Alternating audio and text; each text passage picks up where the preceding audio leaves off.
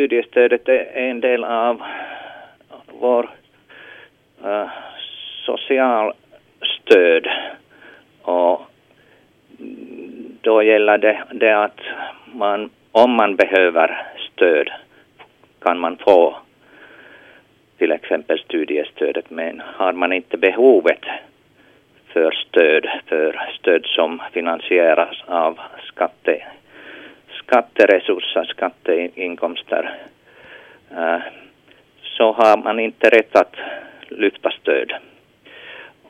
Om man arbetar har tillräcklig inkomster på egen hand så behöver man inte socialstöd. Men vem är det som avgör vad som är tillräckliga inkomster? Uh, det, det, är ju riksdagen som bestämmer vad är, vad är inkomstgränserna. Och därigenom kom, kommer det gränsen till behovet. Mm. No, till exempel i huvudstadsregionen är det ju väldigt dyrt bara att bo. Hur ser du på det att, att, att eh, man anser då att studerande ska klara sig på, på ett ganska litet studiestöd och, och studielån och, och sen då det här bostadsbidraget och inte får jobba? Ja, jag håller med att, att äh, politikerna borde ta bättre hand om, om förhöjningar på beloppen av stödet och också att förhöja regelbunden inkomstgränserna. Men Eh, studerandes läge är kanske inte så dåligt som man påstår.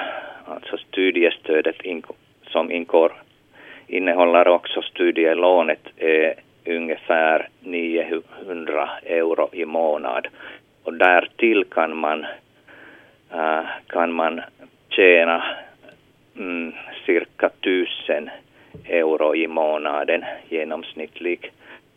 Och det betyder att studerandes inkomster med studiestödet kan vara till och med 1900 euro i månad.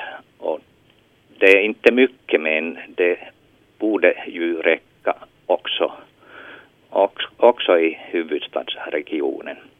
Men jag håller också med att till exempel och särskilt eh, studiestödet bostadstillägg är otillräckligt.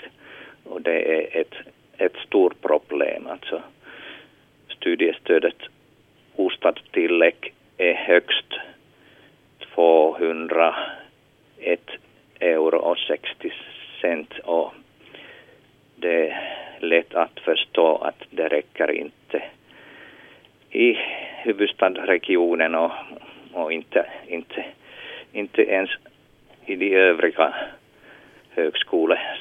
högskolestäderna.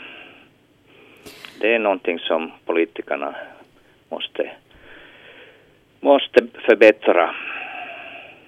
Hur ser du på det här att eh, studerande förväntas ta lån för att klara sig? Uh,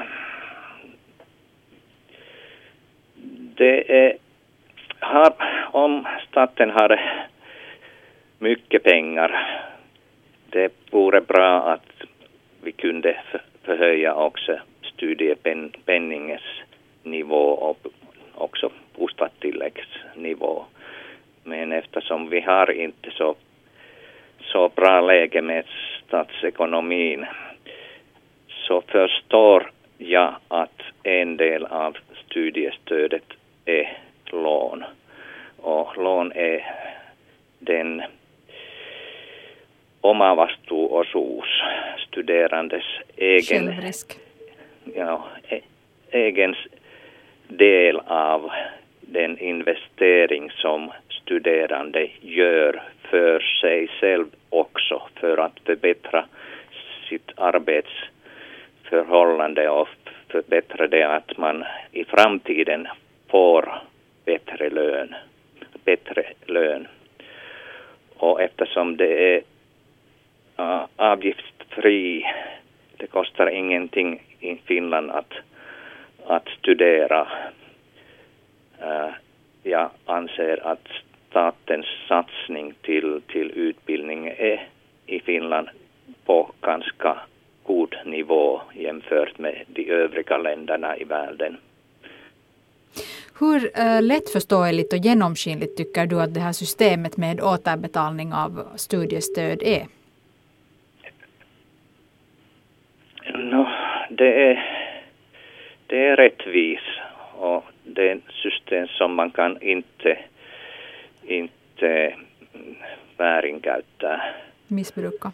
Missbruka. Eftersom den baserar sig på skatteuppgifter. Och jag anser också att det är lätt att förstå. Alltså det är en enkel tabell man kan titta. Om man får till exempel lyfta studiestöd av nio månader så kan man ha andra inkomster, andra inkomster ungefär 12 000 euro i året. Och får man mera inkomster så är det lätt att, att betala tillbaka studiestödet som man fått eller, eller mm, sluta, äh, sluta lyfta studiestödet. Alltså det, det är enkelt att själv kontrollera inkomster och själv ta hand om antal stödmånader genom att genom att annullera stöd eller betala tillba tillbaka utbetalda stödet. Vad tycker du om den här räntan på 15 procent som läggs då på den här summan om man måste återbetala sitt studiestöd? Mm. Ja, det 15 procent det, det låter vara ganska hög jämfört med den allmänna räntenivån. Det är inte, man måste komma ihåg att det är inte årsränta, det är en förhöjning. Och då man är tvungen att betala efter övervakningen stödet, då betalar man tillbaka stödet som man fått sedan. Alltså det årsräntan är ungefär 7,5 procent. Men det är sant.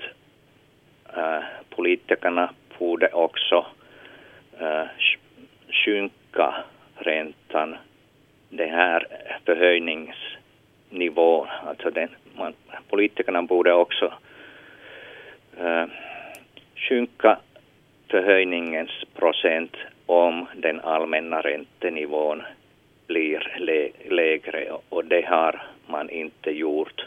Alltså min min åsikt är att 15 procent är numera för hög. Den borde sjunkas på något mått.